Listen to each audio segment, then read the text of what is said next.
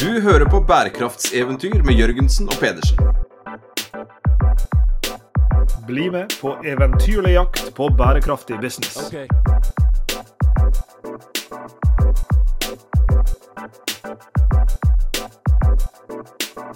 I denne episoden av Bærekraftseventyr Sveinung, så eh, har vi fått tilbake igjen en gjest som har vært hos oss før. Og Det har vi gleda oss til lenge, for den samtalen eh, den var veldig god. og Det var helt i starten av, eh, av Bærekraftseventyr-serien. og Det handla den gangen om EUs taksonomi og hva den ville komme til å bety. eh, Og om bærekraftig finans mer generelt. Og Dette er jo en av folka i landet som kan aller mest om, om disse tingene her. og Det er derfor en veldig stor glede å ønske tilbake igjen Tina Saltvedt til Bærekraftseventyr. Tusen takk. Det var en av våre første episoder helt tilbake til episode nummer ti. Tenk så unge vi var da. Eh, og, og tenk at eh, når vi titter her på dataene her på, på de mest eh, populære episodene faktisk av det vi har hatt, så er da denne episoden med eh, det supersexy temaet EUs taksonomi. Den, ligger liksom helt oppe på topp, eh, topplista. Så, så det er helt tydelig at eh, folk der ute enten så liker de Tina Sandtvedt veldig godt, det kan jo hende. Men denne tematikken, det du er så flink på, altså rundt taksonomi og ESG og grønne energifeltet osv., osv. Det, er jo ikke- det er jo ikke rart vi gleder oss til å, til å ha deg på besøk igjen.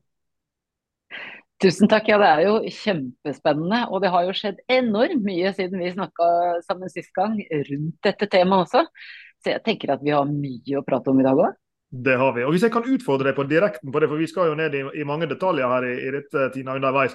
Men hvis du skulle si sånn i det store, i liksom de godt og vel to åra siden sist vi snakka sammen, da, hva er liksom de store tinga du mener har skjedd siden den gangen, og, og, og, og som har dytta oss i forhåpentligvis riktig retning? Ja, det som har skjedd siden sist gang, det er at da vi begynte å snakke om bærekraft eh, for noen år siden, så var det litt sånn ullent og svevende. Nå begynner det å konkretisere seg mer og mer. Nå eh, snakker vi jo med om eh, dette med bærekraft til små, mellomstore bedrifter, og hva de faktisk kan gjøre.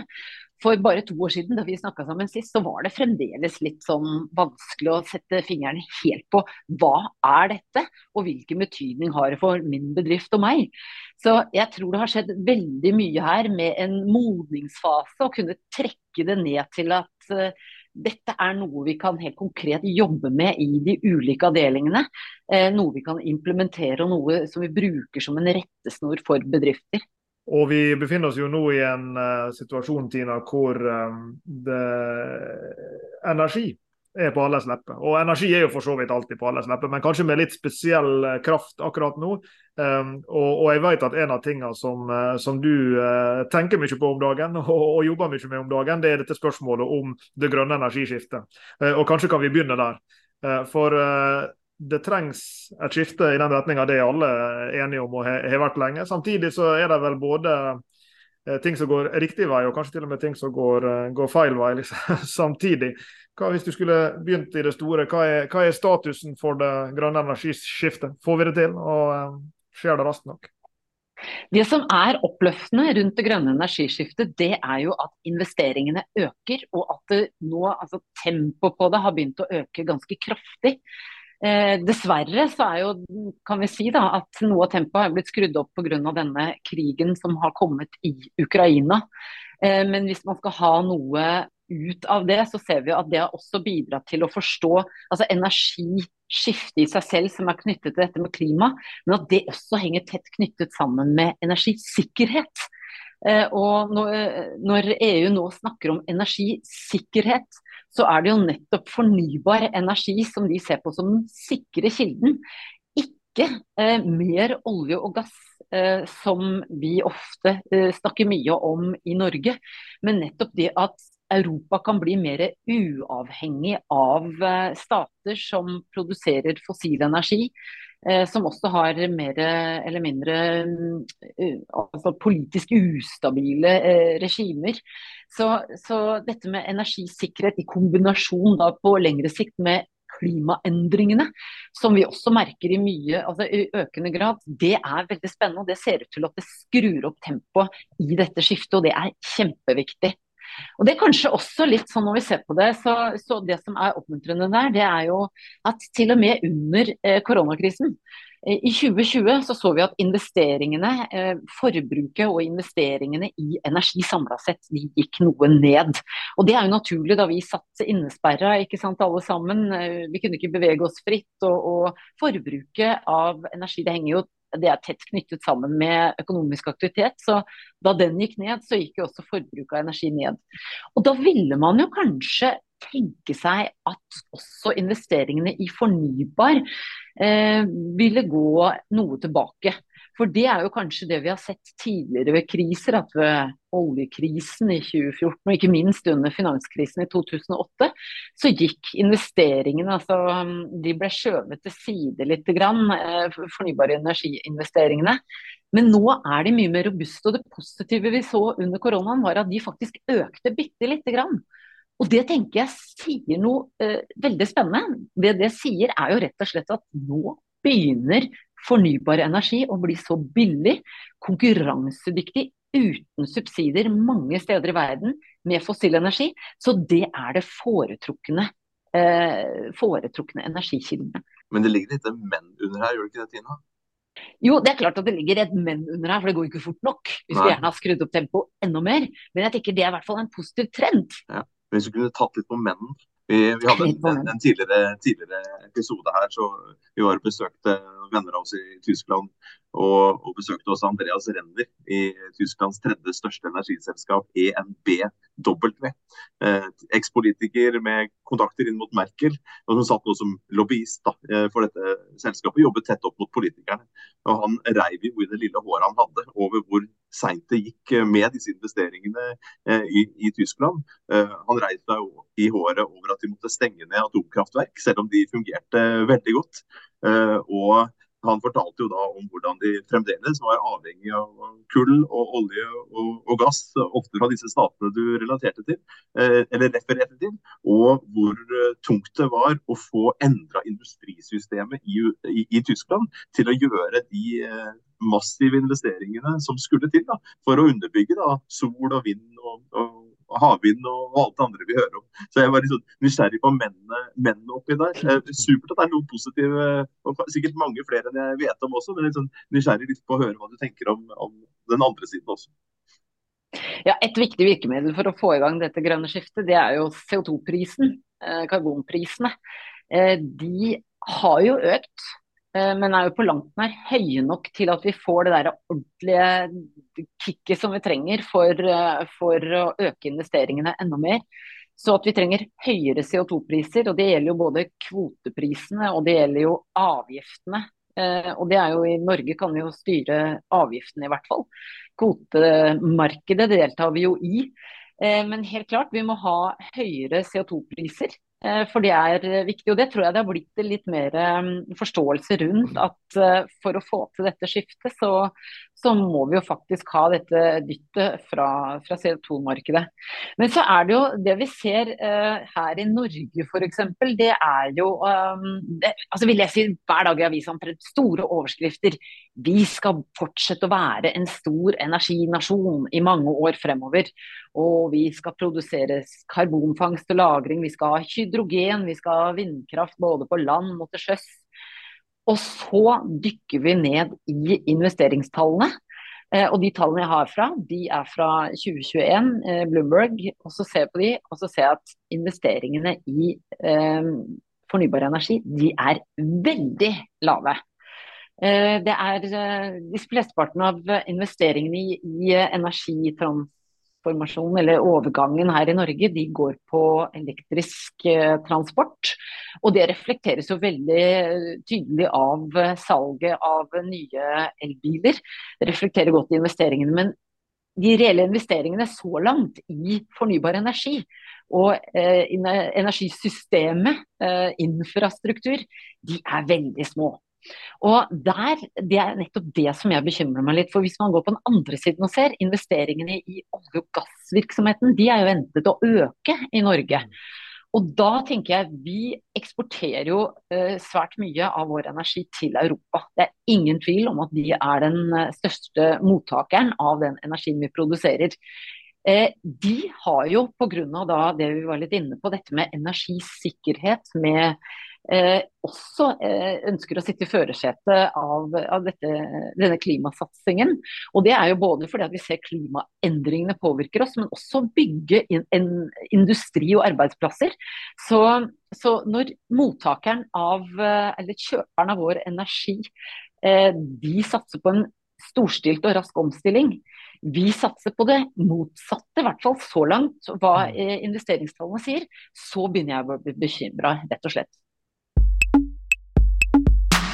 Sveinung vil, eh, vil, riste lett på hodet, for det kommer som alltid en fotballparallell. Jeg sto og snakka med en venn av meg som, eh, som har fulgt kvinnefotballen i veldig mange år. og hun Eh, var, eh, var, så skuffa over at, at, Norge som nasjon, som var fremst på kvinnefotball tidlig, eh, vi benytta oss av den muligheten vi hadde da til å fortsette å være i front. så Vi, liksom, vi, vi klarte ikke å følge strømningene internasjonalt, med to, så da endra maktbalansen seg. og Nå, nå henger, vi, henger vi bakpå når vi kunne fortsatt vært i front.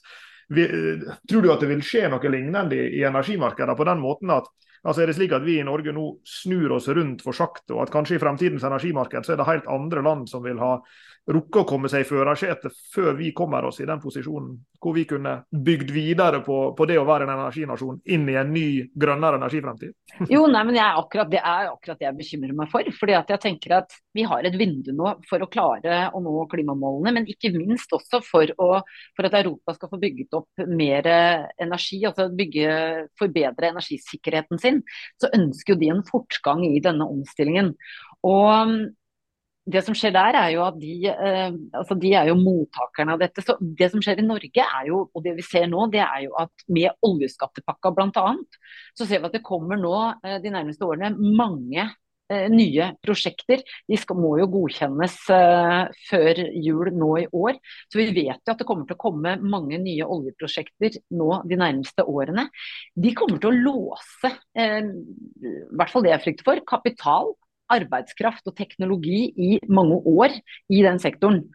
Uh, og så vet vi jo at arbeidsledigheten i Norge den er lav.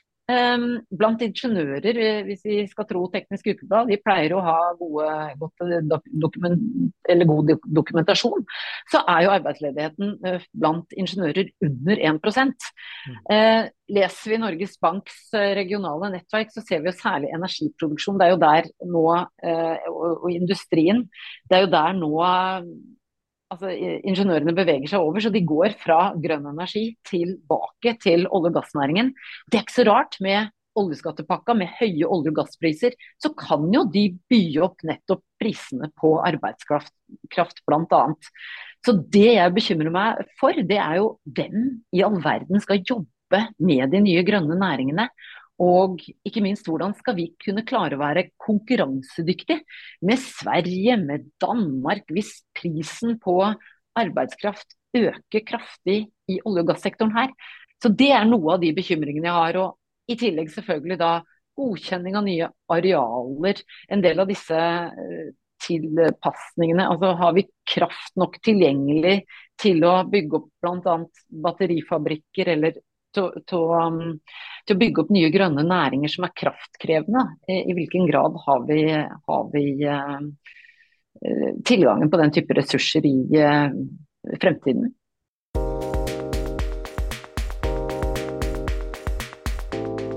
Du som sitter og har tar pulsen på dette energimarkedet. Jeg leser jo Eh, kun overskriftene, hadde jeg sagt, i, i, i VG. Altså, det, er der, det, er der, jeg har eh, altså, Kun TikTok. Dette, dette, her vil jeg gjerne ha eh, på lufta. Altså, må ingen, ingen, må klippe. Jeg, jeg har Min viktigste nyhetskilde er jo sånn, som dere vet, TikTok. På, på TikTok nå nylig så så jeg jo den, vet du hva, dette her, Jeg aner ikke hvordan jeg skal komme meg inn igjen fra dette her, men jeg skal leve godt med dette her. Um, I forrige uke i VG så, så jeg noen overskrifter om at de har jo løst, eller skal løse, energiproblemet.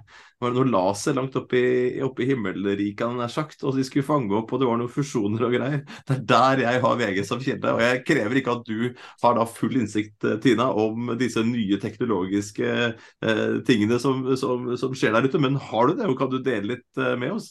Jeg syns det var kjempespennende. For det, det kom jo en nyhet uh, som ble slått opp uh, stort i Financial Times, at amerikanske forskere har gjort uh, store fremskritt innen fusjonsteknologi. Og det er jo spennende, fordi at vi ser jo at det er utfordringer med bl.a. arealer. Eh, konkurranse rundt eh, arealer og natur, og naturvern selvfølgelig, eh, når det gjelder utbyggingen av grønn teknologi og grønn energi. Så det er klart at hvis man kunne få inn en sånn helt ny teknologi som har mye mindre både klima og naturavtrykk enn det vi kjenner til i dag, så i tillegg i fremtiden kan produsere det til en konkurransedyktig pris, så er klart at her er det spennende muligheter som ligger. Og så har de jo, altså Dette er jo noe de har jobbet med i mange år. For å prøve å få kjernekraft og fusjonsteknologi eh, både håndterbart og eh, billig nok. Og så har man kanskje gjort noen fremskritt på fusjon, og det tenker jeg det er kjempespennende. For vi trenger enormt mye energi for uh, ren grønn energi for å kunne erstatte det fossile vi bruker i dag. Jeg stolte jo litt på at du hadde mer eh, innsikt i dette her enn en overskriften. og Jeg er litt nysgjerrig på det. og Grunnen til at jeg spurte og begynte å tenke på det, det var du, du var litt inne på dette her. Ok, nå vi, gjør vi store investeringer i den gamle gamle energiformen. Eh, og På kort sikt så tjener vi gode penger på det, men så bruker vi også veldig mye arbeidskapasitet og kapital eh, til å gjøre det. Og så Apropos renner her og, og andre vi snakker med da, i, i, i feltet. Eh, havvind ligger der jo som en mulighet, men det vil være kostbart. Eh, Andreas Renner fortalte jo at, at vennene hans eh, som, som da valgte å bli pensjonister, det gadd ikke han å bli ennå. Eh, I den sydlige delen av Tyskland de, de brukte jo hele sitt våkne, våkne del av døgnet på å, å radiere over, over, over vind på, på, land. De ville ikke ha disse her mastene i, i hagen sin eller på fjelltoppene sine, de heller. Nå har også liksom reiv seg i håret på liksom, hvor skal denne nye energien komme fra. Og så lurer jeg litt på da, om vi, vi driver vi og investerer i de riktige tingene. Eller er det sånn at vi virkelig burde brukt da, kapital og innovasjonskraft til å finne disse nye, nye kappløpene og være med på de kappløpene? For kanskje ikke det er havvind og, og, og, og, vind på land og solceller som vil bli de viktigste kildene i framtiden. Kanskje det er andre ting? Det kan være, men jeg tror allikevel ikke vi har tid til å vente. For vi vet jo at de har forsket på dette i hvert fall 50 år, uten at man har klart å få det Altså klart å kontrollere energien til at vi kan bruke den eh, til det vi trenger å bruke den til. Og så har vi kanskje gjort noen fremskritt her med fusjons kraft. Men eh, jeg tenker i mellomtiden så er vi jo faktisk nødt til å gjøre noe med det energiforbruket vi har. Først og fremst egentlig bør vi jo kutte ned på forbruket. Effektivisere, det er jo punkt nummer én. Vi snakker mye om hvilken ny energi men vi, vi, skal ha, men vi burde jo heller snakke om hvilken vi ikke bør bruke så mye av. Um, men jeg tenker at i mellomtiden så bør vi jo eh, fortsette med å forske på bredt, altså mange typer energikilder. Nettopp fordi at uh, altså vi vil ha behov for mange typer energi. Og også det at det som har vært litt utfordrende med eh, fossil energi, det er jo at noen land som har vært eh, prisgitt og har store reserver av det, har jo fått en helt annen posisjon. Jeg tenker For veldig mange land så ønsker man jo å frigjøre seg fra avhengigheten til en del eh, energirike stormakter. Så jeg tenker også fra et fordelingsperspektiv så ville det være interessant å kunne ha tilgang på flere typer energi. Og sol begynner jo nå å bli så billig at eh, det er jo virkelig konkurransedyktig på mange plan. Og det er jo mye sol tilgjengelig i verden, også i Norge. Eh, så jeg tenker at eh, det bør jo ikke nødvendigvis utfordre hverandre, men kjempespennende at det kommer nye til.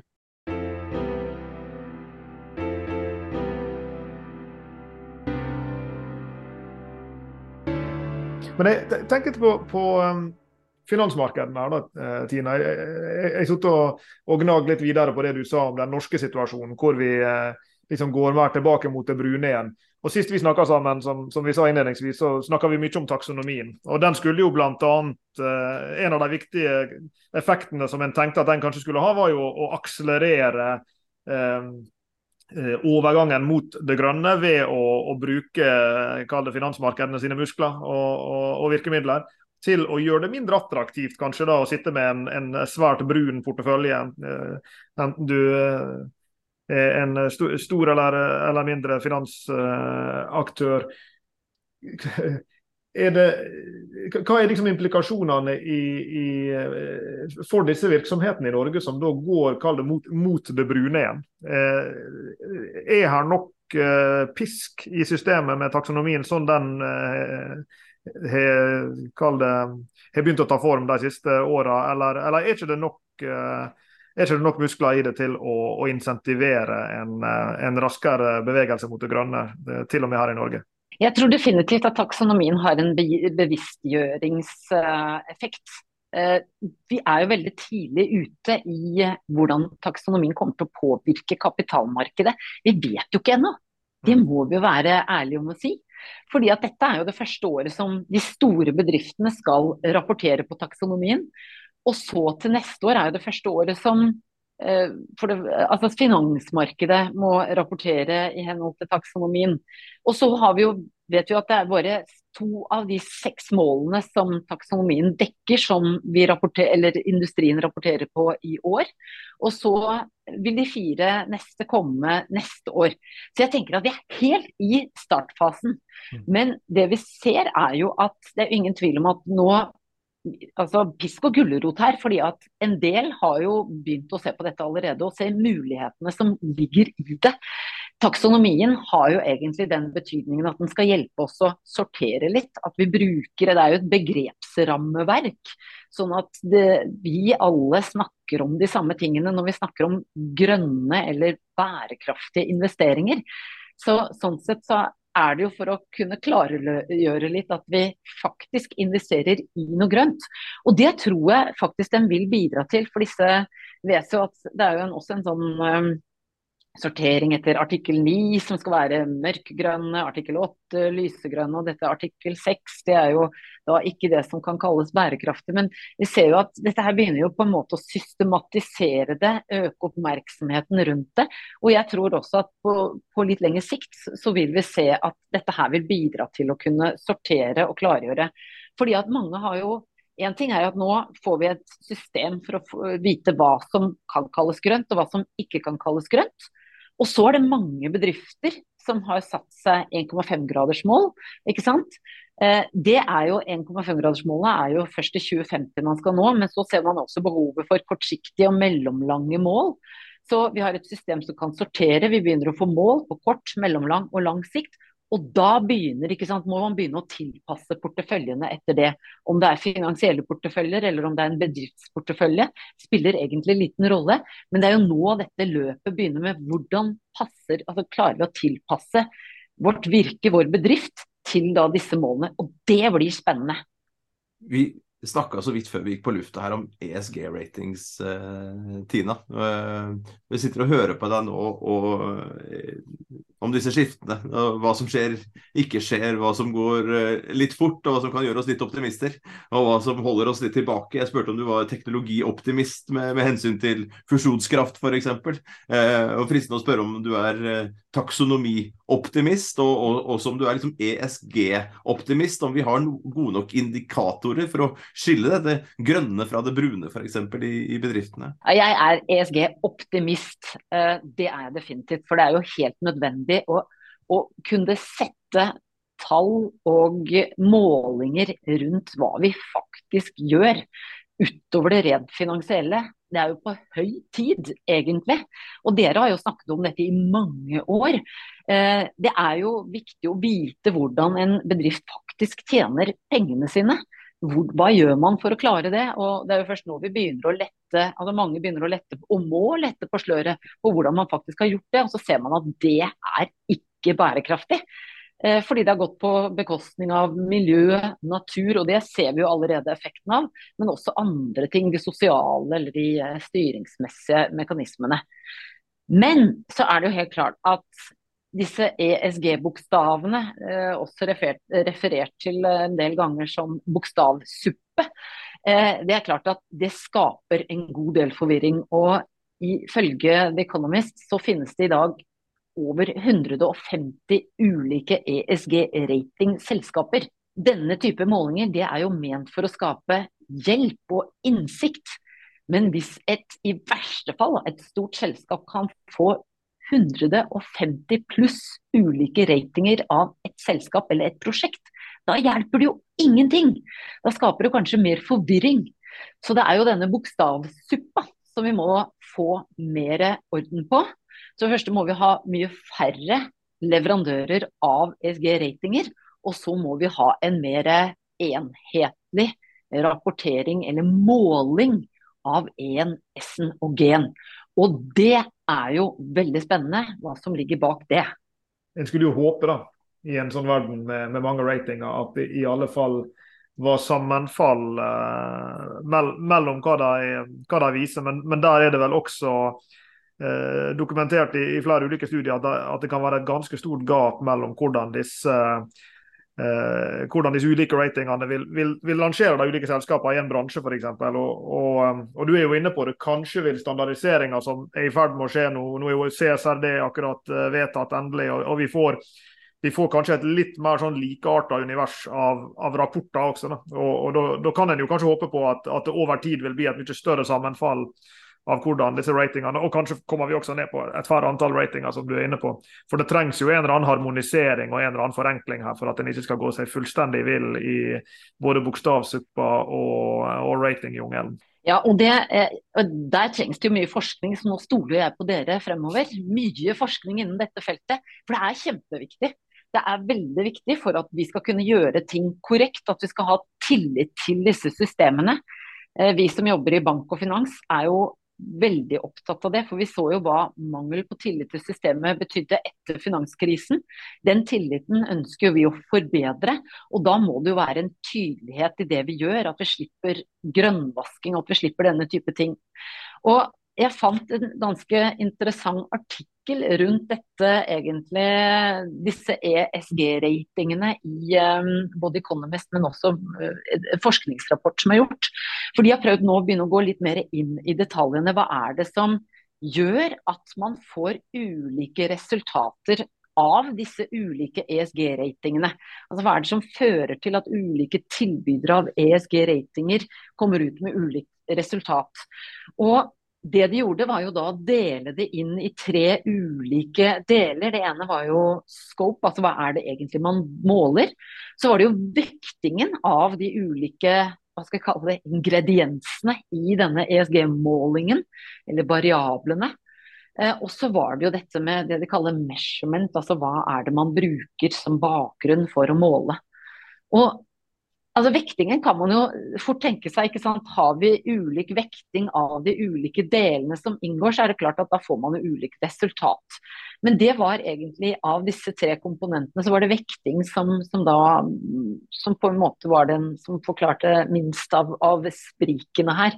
Det som forklarte me mest, det var dette med measurement. Altså hva er den viktigste driveren mm. eh, for dette. Og det har jo da litt Altså det her ligger jo data. Hvilken type data bruker man for å måle noe? Så vi bruker ikke engang den samme dataen for å måle noe spesifikt. Og det er klart at det må vi jo for at det skal kunne sammenlignes. Så jeg tenker det var veldig interessant når man nå begynner å gå nærmere i sømmene på hva er ESG-rating, hvordan måles det, hva skiller de ulike ratingene, for da å komme ned til et mer felles mål som er solid, faktabasert og forskningsbasert. Og for, um, for, interesserte og kanskje over gjennomsnittlig nerdete lyttere, så kan jeg jo presisere at uh, det du viser til her, er artikkelen 'Aggregate Confusion The Divergence of ESG Ratings', som er forfattet av Florian Berg, Julian Kølbel og Roberto Rigobon, og publisert nå nylig i Review of Finance, som er jo et uh, solid finanstidsskrift. Så er jo, det er jo oppløftende at det skjer ting her på forskningssida som gjør at vi forstår mer av hva er det som som driver i en viss forstand kaoset, og hvordan kan vi rydde opp i, i kaoset. Eh, hvis en ser på andre sida av bordet, Tina. Vi, vi, eh, vi, er jo involvert, jeg og Sveinung, eh, i, i Forening for finansfag og NHH Executive sitt program i, i bærekraftig finansiell analyse. og Det, er gått i tre år nå, tre kull. Og, og, vi er blitt litt uh, fascinert over hvor, hvor, mye som har skjedd så raskt. altså på, på um, liksom, med tanke på kompetansen folk allerede har når de kommer inn i et sånt program. Det er akkurat som at Der er det akselerert bare på disse få eh, åra her. og det, det, forteller meg da, og dette vet du mer om enn meg, eh, men det forteller meg at i, i den typen institusjoner som, som, som, du jobber i, så sitter det flere folk med denne typen kompetanse nå. Og, og det gjør jo dere bedre rusta til til å, å, å møte disse utviklingstrekkene der ute. Men, men, slik jeg hører deg, så, så er i en viss forstand ikke det nok. Altså at Dere trenger også da at avsenderne av informasjonen her ja, Dels at de standardiserer det, dels at som du sa, de bruker de samme dataene. Så Kan du kommentere litt på det? der, for På den ene sida kan, kan, dere oppbemanne, dere kan få mer kompetanse og flere folk som sitter med, med fingeren på ESG-pulsen, men, men, dere er vel samtidig prisgitt liksom et, et, finansmarked der ute som, som sender dere informasjon og, og, og signal som, som, det går an å, å, make sense of? Ja, for jeg tenker, det, og det har du helt rett i. Vi, eh, vi har jo eh, for eh, hele Nordea så kjører man jo kurs og kursing i nettopp å forstå hva er det bærekraft er, og hva dreier det seg om. Og hva er vår rolle i dette. Eh, og så er det jo ingen tvil om at eh, det er jo Heldigvis så har jo dere som jobber på universitetene, dere har jo begynt å integrere det i mye større grad i alle typer fag. Og, og vi ser jo at det begynner å løfte, for det må jo inn i alle deler av samfunnet. Også en spennende utvikling. Det er jo å se behovet for denne tverrkompetansen som, som det er behov for. At vi kommer litt ut av disse siloene. For vi ser at de siste vi har ansatt i min avdeling, altså rundt bærekraftig finans, de er ikke ikke økonomer. Det er folk med naturbakgrunn, med klimabakgrunn. Å, altså, vi må jo ha folk som virkelig forstår hva er egentlig karbonets kretsløp. Hvordan vil det påvirke samfunnet? Eh, ikke bare økonomisk, men naturmessig. Så, så, den type kompetanse og forståelse av hva dette dreier seg om, den har endret seg mye, og, det, og, den kommer til å endre seg mye fremover. Og det krever en helt annen samarbeid enn eh, det er gjort tidligere. Eh, men likevel så trenger vi jo f.eks. data. Altså det vi ser nå, for nå jobber jo vi med dette med rapportering. Det er jo pålagt bedrifter, det er pålagt finanssektoren å rapportere på de ulike avtrykkene man har. og det er jo natur, klima, men også de sosiale påvirkningene som man har. Og det er klart at Da må man ha god data, man må ha god metode for at det skulle altså det hele tatt gi noe, gi noe output som har betydning for at vi skal kunne snu investeringene våre, for å snu finansieringene i en retning som faktisk tar oss til bærekraftsmålene eller til klimamålene.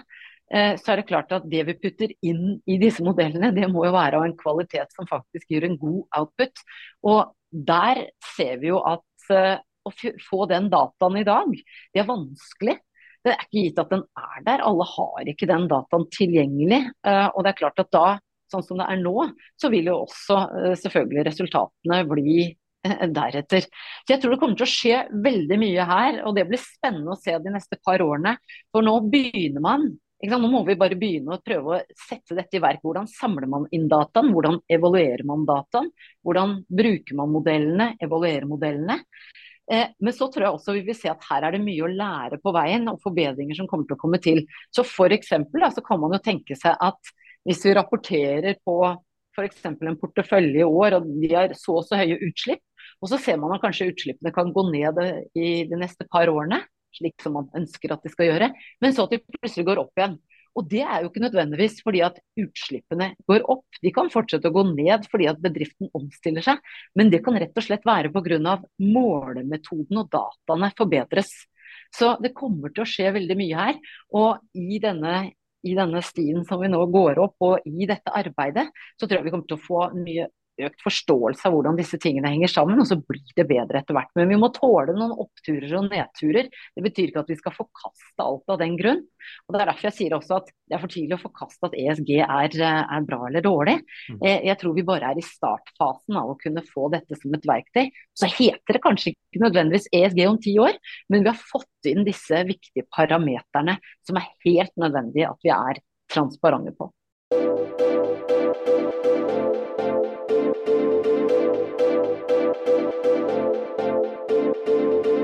Vifta jo en ordentlig sånn godtepose foran ansiktet vårt her i stad når du sa etterlyse mer forskning, mer kunnskap. Uh, og vi satt nå senest på, på, fjellet med gode kollegaer på, på, instituttet vårt for regnskap, revisjon og rettsvitenskap. Mm. RRR, også kalt RR, blant venner. Uh, uh, og vi satt og diskuterte disse tingene. og Vi har postdok-kollegaer, vi har doktorgradsstipendiater og vi har andre altså, kollegaer som, som, jobber med disse problemstillingene. blant annet dette med tilliten. Kan vi ha tillit på den informasjonen som står der? Hva slags type språk er det som brukes? Hva slags type data? Kan man stole på det på tvers? Er det mulig å gjøre eksperimenter. og i, i, går så satt jeg i en helt annen sammenheng med, med, FHI på et stort forskningsprosjekt de har på, på, merking av mat og lage det bærekraftige norske matsystemet. og Veldig spennende. Og Der kom det en aktør eh, fra, fra, handel, altså fra varehandel, eh, retta mot mat, da, som satt der på innsiden og sa ja, men vi vet jo dette her. Vi vet jo at de usunne valgene, usunne kundene, kontra de sunne kundene. Eh, det som skiller det mest, mente hun, det var jo at de usunne kundene de gjorde som meg. De kjøpte mye snacks og, og, og, sjokolade og alle de andre tingene. Men ellers så spiste de ganske, tok med seg ganske like ting i handlekurvene sine. Og da, da sitter jo vi og er litt sånn, Det er litt sånn vondt fra en forskerståsted å ikke sitte med den databasen selv. ikke sant? De sitter jo på disse dataene, og de veit mye. Og jeg tenker jo på deg her. Uh, og, og, dere, og i et sånt, uh, den forskninga som skal skje fremover, da, og som er helt avhengig av, at kanskje. Dere må jo sitte på enormt mye data etter hvert, dere også, om transaksjoner hos privatkunder, sånn som meg, og, og, og, og mellomstore bedrifter og store bedrifter og offentlige virksomheter også. Sitte bak der og, se hva er det som faktisk skjer. Og Det kunne vært veldig spennende å på en fått matcha de, de, de reelle transaksjonene med, med, rapporter. Hva er det som da uttrykkes der ute? Og jeg, jeg, jeg må jo si at jeg sitter og tenker i bakhodet her også på apropos det å være ESG-optimist eller ei. Du sier at det skjer jo for lite satsing på det grønne i Norge. Og da skulle jeg jo håpe at ESG-en som nå er i, i fremmarsj. Og jeg skulle jo ønske at taksonomien, som vi har som et lite ris bak speilet foreløpig, skulle jo ønske at de endringene i praksis også kom tidligere. Dette her ble jo et suppa et spørsmål. Jeg vet ikke om det er et spørsmål engang. Men i hvert fall en, sånn der, en kommentar fra siden her om flere ting. Og, men dette her med forskninga, da. Hvis du hadde vært liksom undervisningsminister for en, en dag, eller vært eh, forskningsansvarlig på, på, på NHH, Tina Saltvedt i ny rolle. Hva ville du, ja, tusen takk. Ja, ja. Hva ville du anbefalt oss å, å gjort, da, hvis vi er interessert i dette her? Og, og, hvordan er det vi kunne ha samarbeida, ikke noe forpliktende her, altså, men hvordan er det vi kunne samarbeide for å få sett litt nærmere under panseret hva som faktisk skjer der ute, øh, og, og, og, hvordan er det vi sammen kunne på en måte påvirka øh, atferden i kall det positiv retning?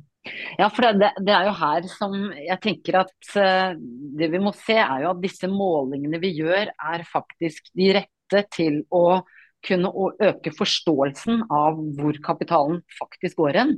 Uh, for å kunne sette altså jeg tenker Hvis vi ikke klarer å måle ordentlig, så er det veldig vanskelig å sette mål og skulle kunne nå de også. For da vet vi ikke om egentlig det vi gjør, faktisk tar oss i riktig retning.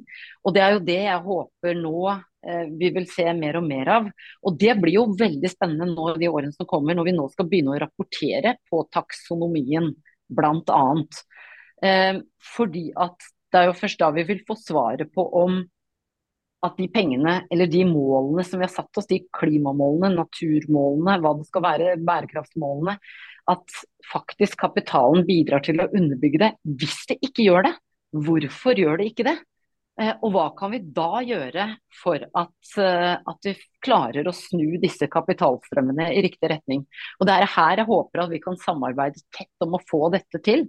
Altså En økt forståelse av hva som driver disse kapitalstrømmene, eller hva som ikke driver de mm. i riktig retning. Mm. Og Det er kjempeviktig arbeid, fordi at det er så viktig nå, i og med at vi har kort tid også.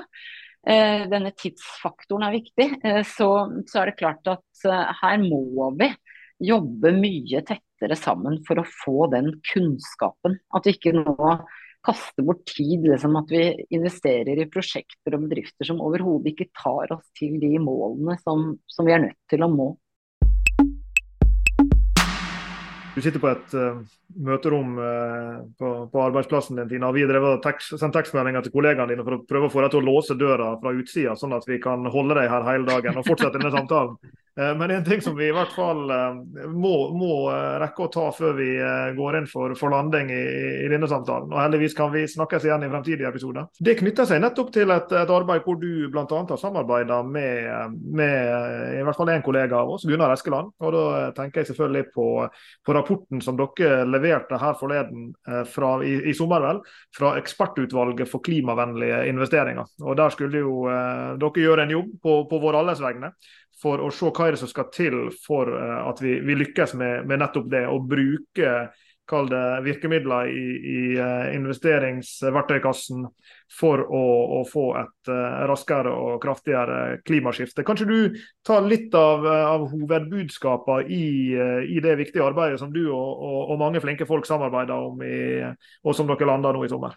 Ja, det kan jeg gjøre. Og Gunnar har selvfølgelig vært en veldig viktig bidragsyter til det. Det har vært uh, veldig bra samarbeid. Uh, det, altså, jeg tror uh, vi må se på hvor, hel, altså, hvor storstilt den omstillingen som skal til, må være. Vi er altfor lite ambisiøse. Så en av de viktigste anbefalingene vi har, det er jo at vi må ha en mye mer ambisiøs klimapolitikk i Norge. Eh, fordi at Hvis vi skal trygge investeringer i noe, så må man jo faktisk ha mål. Man må ha ambisiøse mål, men så må man jo også ha troen på at de skal etterleves. Og Det er jo en utfordring i Norge. Nå skrudde vi jo akkurat opp ambisjonene for 2030-målene våre. Eh, det skjedde jo under den siste koppen som var i eh, Egypt. Og det er vel og bra. Men all dataen som vi har så langt, tyder jo på at vi kommer ikke til å nå det målet. Så hvis vi skal ha virkelig Hvis vi skal få mer Altså øke investeringene og endre kapitalflyten i en mer eh, klimavennlig retning, eh, og også andre bærekraftsmål og naturvennlig retning, så må man jo faktisk ha solide, ambisiøse mål som er troverdige, bredt basert og ikke er avhengig av e- et altså en stortingsperiode. Man, eh, man må faktisk ha, ha, lengre horisonter her. Og det mangler vi i dag. Eh, altså, og så skal jo hele samfunnet være med på denne omstillingen. Altså, det hjelper ikke, eller noe vil jo selvfølgelig hjelpe, men det holder ikke da, å investere i noe vindkraft eller noe karbonfangst og -lagring. Dette er en mye større omstilling som skal til. Så hele samfunnet, alt fra sant, institusjoner, bedrifter, organisasjoner, forskningsinstitusjoner, diskuterte mye dette rundt um, stiavhengighet. Nettopp at ikke sant, man, uh, utfallet er avhengig av hva som har skjedd tidligere. Vi er lokket inn i systemer det er vanskelig å komme ut av. I Norge vil det typisk være at mye altså alt fra forskning til uh, finansiering til altså er lokket inn i et fossilt system, olje- og gassnæringen særlig, fordi det er der vi har kunnskap f.eks. Eller infrastrukturen er lokket inn i det. Eh, så det er jo en ting som vi diskuterte mye. Så er det jo annen ting er jo dette at vi må nødt til å skru opp CO2-prisen. Den må betydelig opp fra dagens nivå for å kunne få til disse endringene. Eh, og så må man ha med hele eh, altså alle næringene må med. En del av næringene er jo ikke med og dekkes jo ikke av CO2-pris, altså kvotemarkedet eller, eh, eller, avgiftene slik det er i dag. Hele Norge må med, og så må prisene betydelig opp.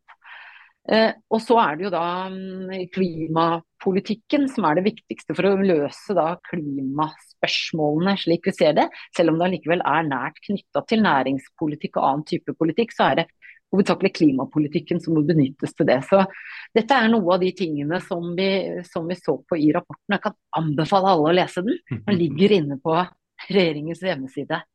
Hvordan oppleves det å jobbe med noe som er så stort og komplekst og systemavhengig?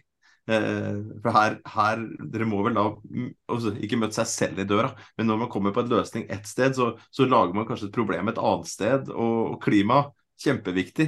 Eh, tidligere gjest på, på, på, på, den podkasten har sagt at ja, klima det skal vi fikse. Her, det, altså, der er vi på vei mot det å, å, å, fikse. Men vi har så mange andre problemer som må løses, med naturmangfold og sånne ting. Det kommer til å bli skikkelig vanskelig. ikke sant? Og hvordan, hvordan når dere sitter med dette her og skal se på hele pakka, fra det politiske til organisasjonene, til utdanninga, forskninga, til bedriftene eh, og individene som skal ta beslutninger, hvordan, hvordan, hvordan, hvordan oppleves det å sitte der og skulle komme ut med en rapport som i hvert fall skal prøve å hensynta flere parter på en gang? Ja, og det er du helt rett til. at Vi måtte jo da for da må vi jo se på hvilket oppdrag har vi egentlig fått. Mm. Og Oppdraget vårt gikk hovedsakelig på klima. Men så kan man ikke eh, se klima helt alene fra natur f.eks. Eller hva er de sosiale konsekvensene. Fordi Det er også viktig å tenke på at gjør man eh, altså Innfører man en streng klimapolitikk, hva er da konsekvensen av det? Og hvilke grupper vil den da ramme? Positivt eller negativt, for her ligger jo mange muligheter også. Så hva blir effektene av å innføre denne type politikk? Og det er viktig å ha med seg, altså, særlig de sosiale effektene f.eks. på arbeidsmarkedet. fordi at hvis ikke så kan vi ende opp med tilsvarende vi så i Frankrike, det gule vestaksjonen, som kan være kontraproduktivt. Altså, ikke sant? At, at, man får det motsatt, at ingenting skjer, fordi at man rett og slett er, eh, er bekymra for konsekvensene. Så det er Altså man må ta de litt større brillene på. Og så er det jo også dette med at klima- og naturspørsmål, eller klimaspørsmålet som vi så på, det er jo globalt. Sånn at vi kan ikke bare se på effekten av å kutte utslipp i Norge. Eh, hvis det da medfører at man bare altså, skyver problemet til andre land. Fordi at klo, altså, klimaproblemet er globalt. Og så har vi jo kanskje den utfordringen at det må løses med lokale tilpasninger. Mm. Og det har jo vært tatt opp eh, mange ganger at det er en utfordring at de som skal løse det, altså løsningene skal man finne eh, regionalt eller lokalt. og, og problemstillingen er lokal, nei, global. Så, men det, denne type hensyn må man uh, faktisk se på når man, når man, jobber med denne type rapporter. Fordi at effektene, ikke sant, øker man investeringene bare i Norge? Eh, eller skal man også se på norske investeringer utover Norges grenser? Uh, eller utviklingen av teknologi eller infrastruktur utover Norges grenser? Altså, man må se helheten, så det valgte vi å gjøre. Effektene må ikke være bare eh, knyttet til Norge, men man må også se på effektene ute. Vi er veldig glad Tina, for at du eh, er med og pusher disse, disse viktige eh, jobbene her fremover. Både når det er å forstå og stimulere til hvordan vi kan få mer klimavennlige investeringer i Norge. Når det gjelder ESG-praksisene i alle sine former og farger og bokstavsuppe og, og you name it. Eh, og ikke minst når det gjelder det grønne energiskiftet, å forstå det og være med på å stimulere til at det skjer. Og så er vi fryktelig glad for at vi eh, av og til får invitere deg på bærekraftseventyr for å snakke om disse tingene. Prøve å bli litt klokere på dem. Og uh, noe sier meg Sveinung, at det kommer vi til å gjøre igjen. Men tusen takk for at du var med oss på bærekraftseventyr i dag. Tusen takk, og så må jeg også skryte av dere for dere gjør en fantastisk jobb med å kunne prøve å, å, få disse problemstillingene knyttet til klima og bærekraft ned på et sånt eh, nivå, sånn at vi alle kan forstå det og se prøve liksom å dytte oss alle i litt riktig retning. For det er så viktig som sagt at alle er med på det. Så tusen takk for det viktige arbeidet dere gjør. Du har hørt på Bærekraftseventyr med Jørgensen og Pedersen. Send e-post til eventyr.krøllalfa.jorgensenpedersen.no for å stille spørsmål eller komme med forslag til tema for fremtidige episoder. Og besøk jorgensenpedersen.no for mer informasjon om denne podkastserien. Okay. Derfra kan du også fortsette samtalen med oss i sosiale medier på Twitter, Facebook, LinkedIn, YouTube og andre steder.